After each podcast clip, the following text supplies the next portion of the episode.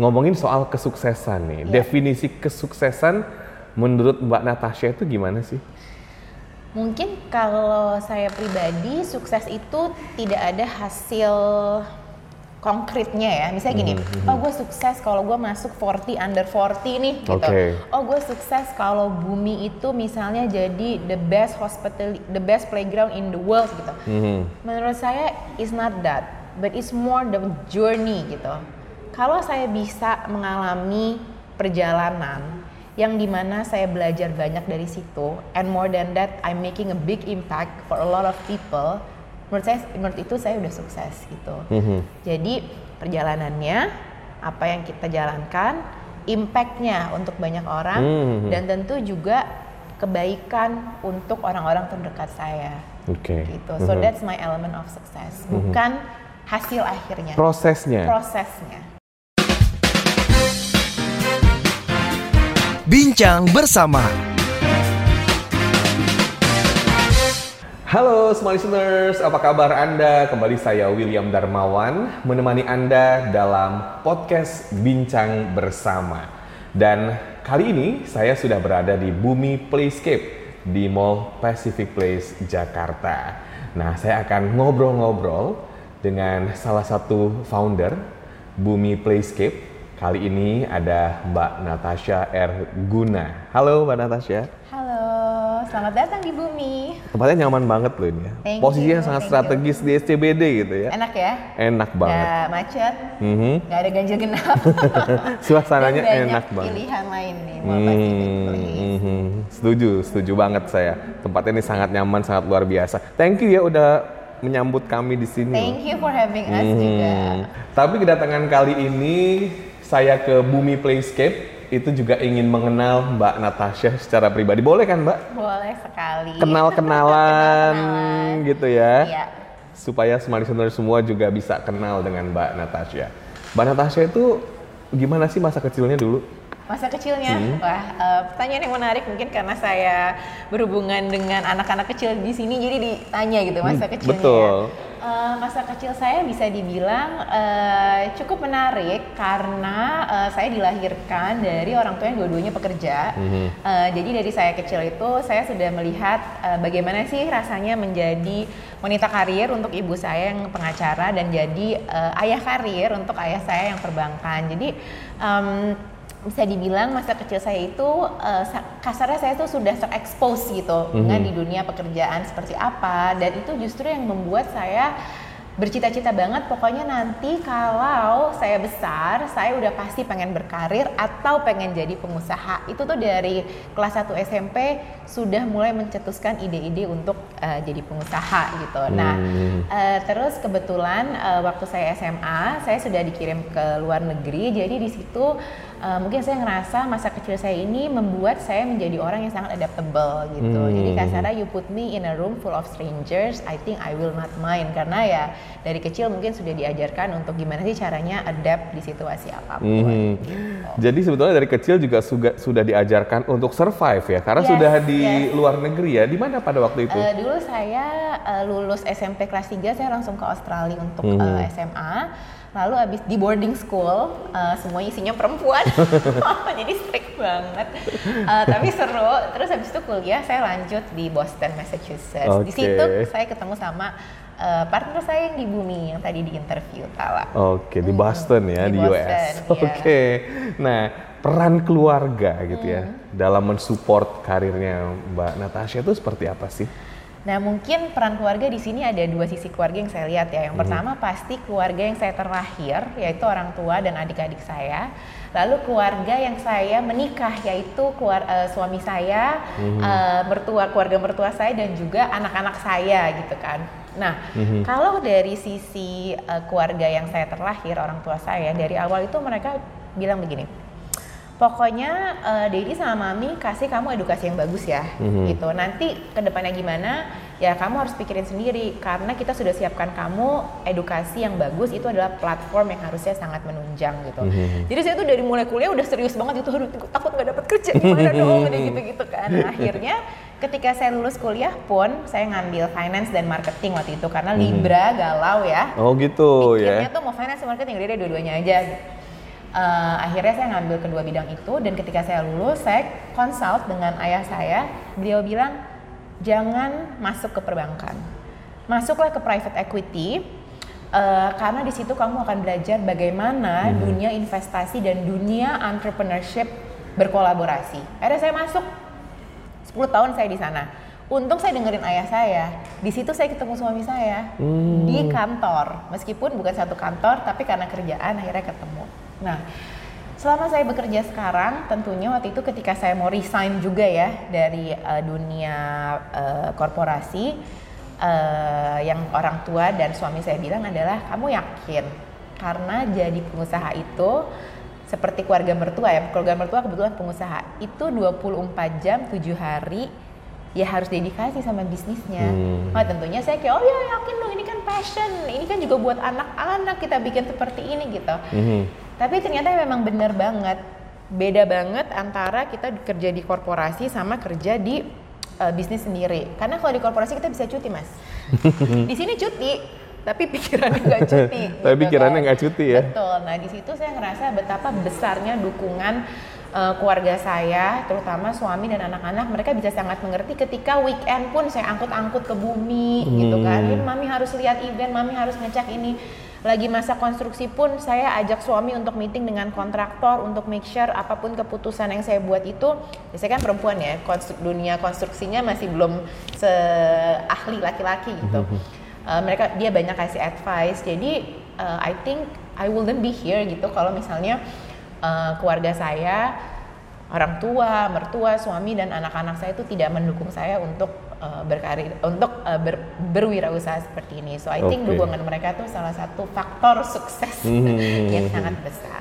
Ya, dari keluarga itu dukungan hmm, yang keluarga. sangat besar dari betul, mereka ya. Betul. Nah, kalau dari orang tua ada iya. nggak yeah. sih mungkin value yang paling diingat ya menjadi pegangan hidupnya Mbak Natasha gitu ya. Pesan-pesannya apa tuh? uh, ada namanya pengajaran ABC. Apa itu, Mbak? ABC itu adalah uh, A-nya itu adversity atau kadang action disebutnya, B-nya itu belief, and C-nya itu consequences. Mm -hmm. Contoh misalnya gini. Yang terjadi atau adversity atau actionnya yang terjadi itu adalah saya gagal uh, dalam lomba seni suara gitu ya. Misalnya mm -hmm. kita lomba yang gampang aja lomba seni suara. Lomba nyanyi ya. Lomba nyanyi gitu ya Terus kepercayaannya saya itu adalah Iya, saya gagal soalnya suara saya jelek, saya kurang latihan, mm-hmm. saya juga kayaknya tidak secantik penyanyi yang lainnya, mm-hmm. itu kan percaya. Konsekuensinya mm-hmm. adalah kasih nggak mau nyoba lomba itu lagi. Okay. Udah gagal kan, udah uh-huh. percaya kayak gitu. Nah tapi kalau di tweet gimana? Kejadiannya gagal nih lomba nyanyi, percayanya adalah oh mungkin waktu itu uh, penyanyi-penyanyi yang lainnya udah lebih jago dari saya, mereka udah lebih lama. Mm-hmm. Mungkin yang saya harus lakuin adalah gimana caranya saya bisa berlatih lebih bagus. Konsekuensinya akan latihan terus dong. Mm-hmm. Dan mungkin konsekuensi ke depannya bisa menang gitu. Jadi itu yang orang tua saya ajarkan. Apa pun yang kejadiannya, your belief itu can change the consequences in the future. Mm-hmm. Gitu. Itu pegangan banget sih okay. sampai sekarang. Tapi Mbak Natasha waktu kecil nggak pengen jadi penyanyi kan? Enggak, enggak. Oke. Okay. enggak, enggak, enggak. Kira mau jadi penyanyi. Ini, ini mungkin Saya mau langsung nodong langsung gitu ya Mbak Natasha nyanyi gitu. Oke. Okay. Contohnya aja ya semua ya. Tadi disebutkan juga pada kuliahnya itu mengambil finance marketing. Iya. Kerjaan pertamanya apa Mbak? Itu kerjaan di private equity. Mm-hmm. Uh, hampir 10 tahun dimulai dari analis sampai akhirnya jadi senior associate ya gitu. Mm-hmm. Uh, kerjanya private equity itu ngapain? Mungkin uh, Smart FM listeners banyak yang penasaran gitu ya. Mm-hmm. Uh, basically kalau di private equity itu kita belajar menganalisa sebuah investasi. Oh, okay. Nah nanti kalau misalnya dari uh, firmnya tersebut mau invest, diambil kita invest gitu ya, itu disebut namanya menjadi portfolio companies gitu, uh, company yang diinvest. Mm-hmm. Nanti dari portfolio companies itu kalau kita kerja di private equity ada beberapa hal yang kita lakukan salah satunya memanage hmm. company tersebut hmm. gitu. Nah, jadi memang di uh, karir saya yang pertama itu sesuai banget sama jurusan karena saya belajar finance, saya juga belajar operations, belajar management gitu. Hmm. Dari dunia investasi kemudian mengambil sekarang itu fokus ke edukasi anak-anak atau playground lebih yeah, tepatnya. Yeah. Kenapa bisa berbelok gitu, Mbak? Uh, Sebenarnya berbeloknya itu saya kan memang sempat cerita ya tadi pengen uh -huh. jadi pengusaha nih pas okay. dari mulai SMP itu udah mulai pengen jadi pengusaha Nah tapi saya berpikir usaha apa yang kira-kira related to me? Because if I wanna be an entrepreneur I don't wanna just do something out of like trend gitu. Okay. misalnya lagi ngetrend nih eh, buka toko kopi tapi akunya nggak ngerti akunya nggak passionate gitu. Terus itu bakalan ya kalau ngikutin tren aja suatu hari akan padam gitu kan. Mhm. nah kebetulan sekali at that time eh, punya anak gitu. Anaknya itu udah dua ketika kita ketika aku pengen membuat eh, si bumi ini nah di Mhm. situ saya melihat kok ada gap Mhm, yang mhm. missing di Oke. dunia eh, permainan anak gitu. Nah kebetulan karena punya anak dan lagi passion passionnya nih ya men- mengulik urusan early childhood dan memang saya tuh suka banget mainan. Jadi mainan kalau misalnya beliin anak tuh paling seneng beliin mainan gitu. Mhm, Kenapa? mhm. Karena mainan itu bahasanya anak.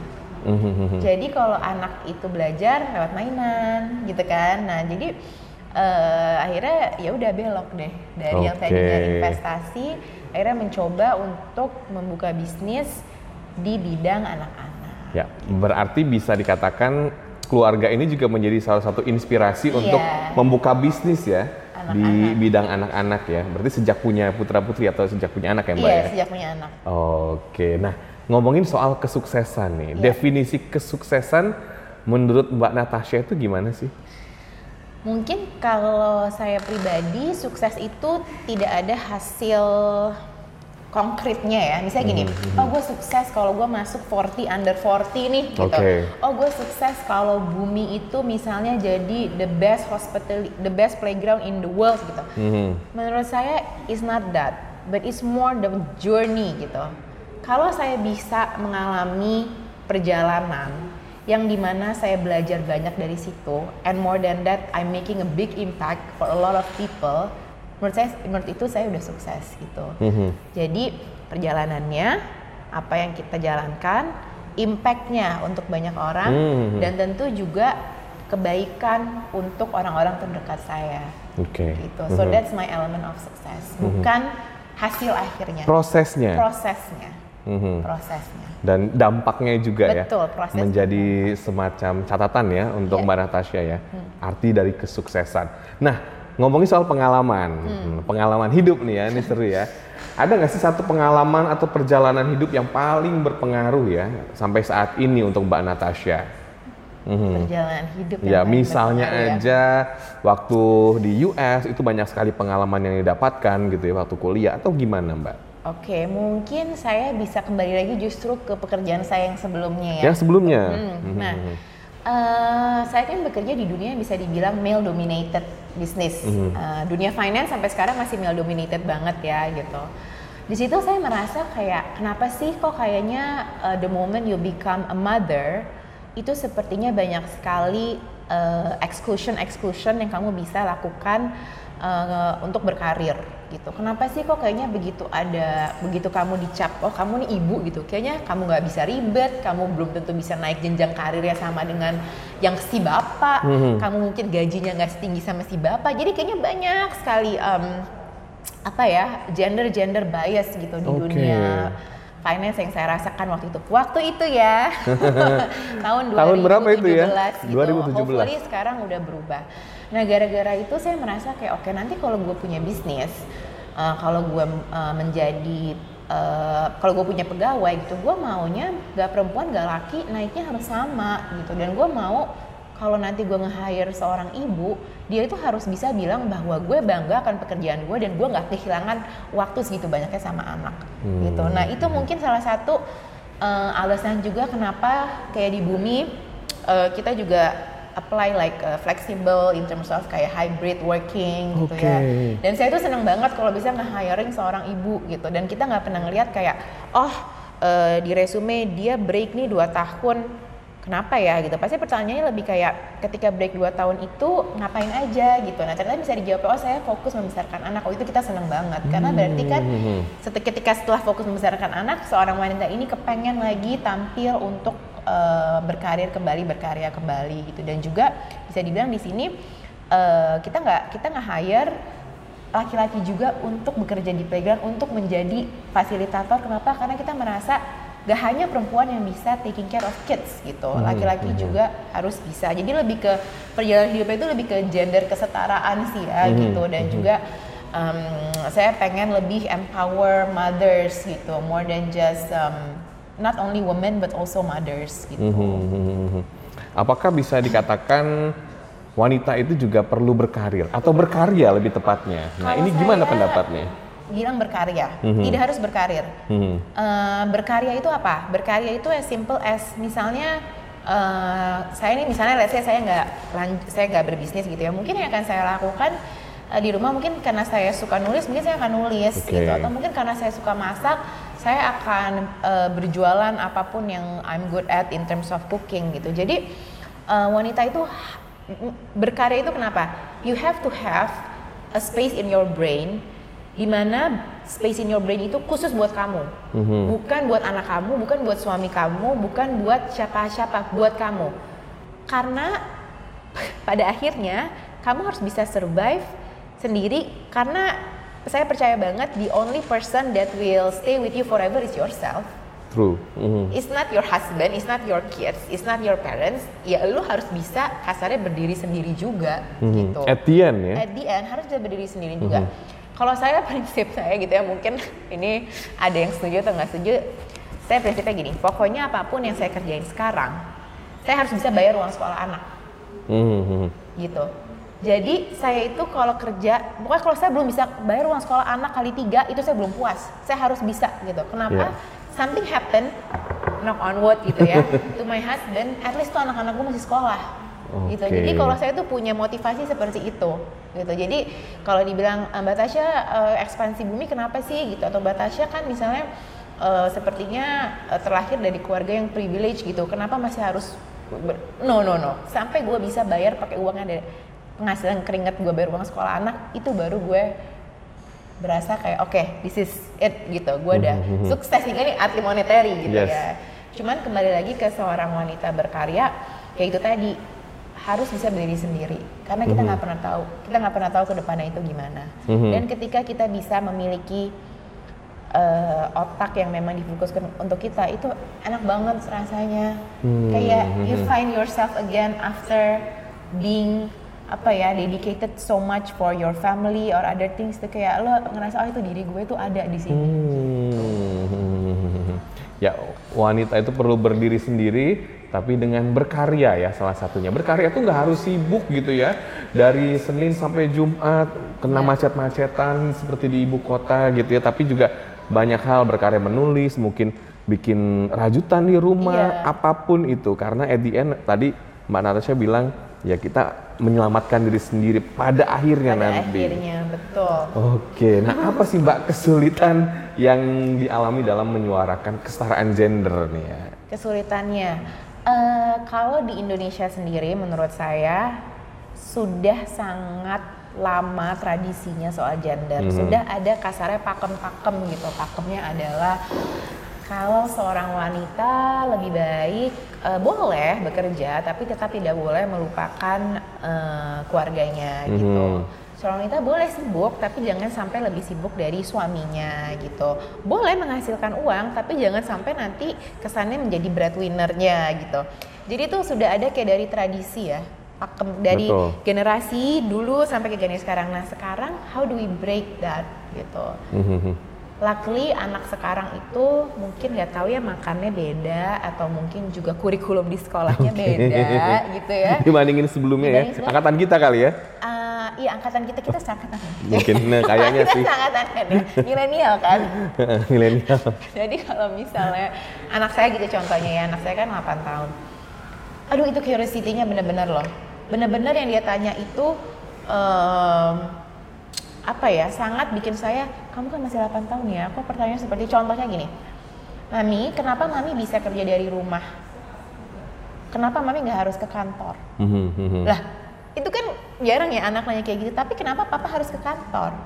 Akhirnya saya jelaskan bahwa papa ke kantor karena dia kerja di bank dan sistemnya itu semua ada di kantor, nggak bisa dipindah ke rumah. Sementara kalau saya masih bisa dari rumah karena saya hanya butuh penyimpanan cloud gitu untuk bisa mendapat dokumen-dokumen saya. Tapi dengan dia bertanya kayak gitu, sebenarnya kan ketika kita pengen memberikan uh, penyetaraan gender, hmm, hmm. itu bisa banget dimulai dari anak kita sekarang karena mereka akan menjadi generasi selanjutnya. Setuju. Gitu. Hmm. Gimana caranya Mbak Tasya uh, memberikan penyetaraan gender dari anak-anak? Dengan buku. Buku tuh sekarang udah banyak banget buku tentang kisah-kisah sukses um, uh, wanita gitu ya. Buku tentang ayah yang merawat anak-anaknya. Hmm uh, buku tentang bagaimana orang tua dua-duanya bekerja dan anaknya itu tetap terawat itu udah banyak lewat buku. Mm-hmm. Ada juga lewat TV series gitu. Jadi dan juga permainan-permainan. Jadi uh, saya percaya our kids um, yang lahir di tahun 2005, 10 ke atas, 2012 ke atas ini mempunyai kesempatan untuk belajar tentang penyetaraan gender lebih baik karena orang tuanya sudah lebih aware tentang Betul. itu. Mm-hmm. Gitu. Mm, apalagi dengan adanya sosial media sekarang betul, ya. Betul, lebih betul. terbuka pikirannya. Betul, lebih uh-huh. terbuka. Ya, yeah, that's exactly the right word. Hmm. Lebih terbuka hmm, hmm, hmm, pikirannya. Nah, kalau di lihat-lihat nih Mbak Natasha ini termasuk yang sibuk juga ya artinya ya. Walaupun di rumah juga tetap sibuk gitu ya. Artinya masih memikirkan pekerjaan gitu ya. Dengan mungkin satu kali 24 jam masih kepikiran gitu Bumi Playscape walaupun di rumah gitu. Tapi kan berarti punya me time juga dong, di iya, mana yeah, yeah. kita itu pengen banget punya quality time. Nah, quality time ini seperti apa, Mbak? Uh, saya sekarang lagi keracunan main tenis, makanya okay. tuh bilang. Jadi uh, saya quality time-nya biasanya saya me time buat saya ya. Mm -hmm. Itu mhm. pasti saya sempetin satu hari ada satu sesi olahraga sih. apakah ya tenis atau olahraga yang lain. Lalu saya terkadang uh, suka masak, bukan terkadang sih sering, akhirnya hmm. hampir tiap hari masak. Nah ketika masak itu kan fokus ya. Ya udah itu bener-bener kayak ya udah nih gue fokus aja nih di depan gue. Time-nya dimasak time. ya. Nggak mikirin si anak belum ngerjain PR, hmm. si bumi belum approval ini, konstruksi hmm. ini itu gitu. Jadi me time biasanya masak sama main tenis. Oke, okay, main tenis. Gak pengen jadi atlet kan, Mbak? Pengen, cuma udah ketelatan. Okay. jadi sekarang ya ikut-ikut uh, friendly match aja sih. Hmm. Emang cita-cita waktu kecil apa, Mbak? Jadi pengusaha. Jadi pengusaha uh, tadi ya? Uh, uh. Oke. Okay. Uh, enggak sih, enggak ada cita-cita pengen jadi atlet, enggak. Cuman, cuman actually exercising mm -hmm. is mm-hmm. very good for your development juga as a person gitu ya apalagi mm -hmm. kalau kayak tenis itu kan compete gitu jadi yeah. kita ya bela belajar banyak sih mm -hmm. Kalau seandainya Mbak Natasha mungkin menjalankan bisnis lain gitu ya, mm -mm. selain Bumi Playscape, kira-kira bisnis apa itu? Nah, makanan. Kuliner. kuliner. Coffee shop atau pasti. makanan secara spesifik gitu. Uh, kebetulan saya karena nggak bisa diem orangnya udah punya bisnis lain, hmm. uh, bisnis uh, gelato yang dikerjakan okay. bersama orang tua saya gitu. Uh, tapi cita-cita saya itu dari dulu pengen banget punya dessert shop. Jadi kan coba sekarang kalau habis um, makan malam pengen nge-dessert, bingung kan mau ke mana? Bingung banget. Gak ada tempat yang kayak kamu datang terus kue, gelato, hmm. terus kopi gitu gak ada kan? Hmm. Nah kalau misalnya kita kayak kemarin pas saya lagi jalan-jalan itu, saya ngeliat kayak wah ini kok tempat gelato, ada tempat cake, ada tempat jadi benar-benar dessert shop gitu. Nah itu kalau mungkin nanti my um, pas aku udah 40 sekian gitu deket-deket 50 udah nggak mau terlalu pusing. Mungkin aku bukan dessert shop oke nanti undang lagi ya tim Smart FM ya biar bisa nyobain dessertnya ya. Tapi bener loh dessert shop itu sepertinya agak susah deh kita cari di mall. iya, iya. biasanya kalau habis makan kita bingung gitu ya. At the end iya, kopi lagi. kopi lagi kan. Uh, uh, padahal atau yang mungkin nggak pengen makan berat gitu malamnya pengen ke dessert aja susah gitu yeah, banget gitu yeah, nyarinya. Suka dessert ya? Iya suka. Iya, uh, saya juga jadi pengganti makan malam kadang-kadang. gitu. Makan instead of Oke. Okay. Nah di usaha atau bisnis yang dijalankan sekarang di Bumi Playscape ada nggak sih visi yang sebetulnya ada di pikirannya Mbak Natasha? Misalnya, oke okay, soal anak-anak misalnya, ini gimana nih Mbak? Oke. Okay Uh, mungkin sebelum jawab itu aku cerita sedikit alasan kenapa buat Bumi ya. Mm-hmm. Gitu kan uh, kita tuh merasa sebagai foundersnya Bumi at that time kok tempat main di uh, Indonesia di Jakarta specifically karena kita bangunnya di sini itu sangat hanya recreational gitu. Recreational tuh maksudnya hanya untuk berekreasi tapi tidak ada unsur edukasinya kurang lah unsur edukasinya hmm. dan bisa dilihat tempat main itu if you go to one place one brand to another brand kok mirip banget gitu. Sama jadi kayak tak kayak ini sebenarnya cuma ganti merek atau gimana gitu. Mm -hmm. nah uh, dari situ saya ngerasa sementara di luar negeri gitu ya itu tempat mainnya sangat ada unsur edukasinya gitu akhirnya kita berpikir dari awal itu misi kita adalah membuat tempat main yang ketika anak datang mereka bukan hanya bermain tapi mereka belajar dan mereka bonding dengan orang tua. Okay. Makanya kenapa kita desain bumi sebagus ini karena kita kepengen orang tua yang datang bangga foto. Jadiin profile picture ini tangga tangga ini nih banyak banget profile picture pakai Instagramable ya. gitu. Jadi uh, we want to create a space that is not only for the children but also for the parents gitu. Jadi visinya ke depannya yang pertama adalah menciptakan lebih banyak tempat uh, bermain yang uh, memberikan dampak baik, impact baik untuk anak lewat tiga hal. Tempat bermain itu harus kualitasnya baik, yang kedua desainnya harus baik, lalu yang ketiga harus ada unsur bonding untuk orang tuanya juga. Karena hmm. kita percaya sebaik-baiknya permainan tidak ada yang lebih baik dari orang tua main sama anak. Hmm. Artinya ini bisa atau ada kemungkinan untuk ekspansi ke mall-mall lain juga atau uh, ke eh, kota lain gitu mbak? Kalau ke mall lain yes, uh, insya Allah bulan depan kita buka di mall lain deket sini hmm, juga. Deket sini ya? Ya, 2024 kita juga sudah ada tempat untuk ekspansi. Uh, untuk kota lain pengen banget, pengen banget. Tapi mungkin kalau untuk kota lain kita harus uh, cari ini ya, local partner hmm. yang ada di situ. Siapa tahu dari ini bisa menggait. bisa menggait para partners. investor juga salah satu local partners lebih tepatnya. Yes, local partners. Yes. Oke, nah pencapaian Mbak Natasha yang diharapkan dalam beberapa tahun ke depan apa yang mungkin sedang dikejar atau yang dimimpikan gitu ya? Ini pribadi atau bisnis? Boleh untuk pribadi atau untuk bumi dulu deh. Untuk bumi, untuk dong, bumi pasti ya. pastinya. Kalau untuk bumi yang pertama pastinya kita merasa kita harus menambah outlet ya, gitu. Jadi itu uh, dari sekarang satu bulan depan dua mungkin tiga ke sampai lima tahun mendatang sudah ada 15 wow. gitu, 15 outlet dan kita kepengennya temanya beda. Jadi whenever you go to bumi, you feel like you go to a different place gitu. Itu mm -hmm. satu menambah outlet. Lalu yang kedua kita ingin memberikan impact yang lebih baik di dunia early childhood uh, dan gimana caranya kita bisa menggapai customer yang mungkin mm-hmm. belum bisa datang ke sini gitu. Jadi mm-hmm. kita pengen menaikkan um, digital content kita. Mungkin kita bikin bumi series gitu, masuk okay. ke Netflix. I don't know, it's just kind of impian gitu ya. Uh, lalu yang terakhir, uh, saya pengen bikin standarisasi tempat bermain anak sih. Jadi supaya uh, teman-teman yang pengen bikin tempat bermain itu tahu standarnya seperti apa. Karena uh, ini sudah diaplikasikan di negara maju lainnya. Hmm. Jadi setiap buka tempat main anak itu harus ada standar safety regulationsnya, di, which is di sini belum terlalu diaplikasikan. Okay. Jadi it's something that uh, I personally really want to do supaya semua tempat main yang dibangun itu aman dan punya kualitas standar yang baik. Hmm. Baik pesan-pesan ya kepada semua listener semua yang menyaksikan podcast kita pada bincang bersama kali ini. Supaya mungkin putra putrinya bisa diajak ke sini ya ke Mall Pacific Place Jakarta. Silakan sekaligus juga promosi ya.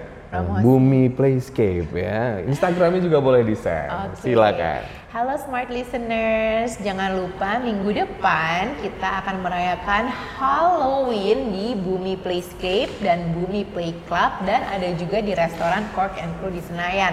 Itu tanggal uh, 28 dan 29, berarti hari Sabtu dan Minggu. Kalau pengen tahu jadwal lengkapnya langsung aja kepoin Instagram kita at Bumi Playscape dan bulan depan kita juga bakal buka outlet baru. Nanti kepoin juga Instagram kita untuk cari tahu di mana sih lokasi outlet barunya. Oke, okay. follow Instagramnya sekarang juga ya, at Bumi Playscape ya, atau yang ingin mampir bisa langsung datang ke sini ya bersama Betul. dengan putra putri anda semua. Terima kasih banyak ya Mbak Natasha atas waktunya ya. Thank you so Ini much. tempatnya nyaman banget. Bener-bener ramah anak ya. Ramah dewasa juga. Ramah dewasa juga. Iya betul di depan. Jadi sambil menunggu putra putri yang lagi bermain di sini bisa ngopi-ngopi di situ ya atau Betul. lunch gitu atau dinner seru banget. Thank you banget ya Thank you. waktunya. Dan semua listeners demikian perbincangan kita pada kesempatan kali ini bersama dengan Mbak Natasha. Akhirnya saya William Darmawan mengucapkan terima kasih. Sampai jumpa.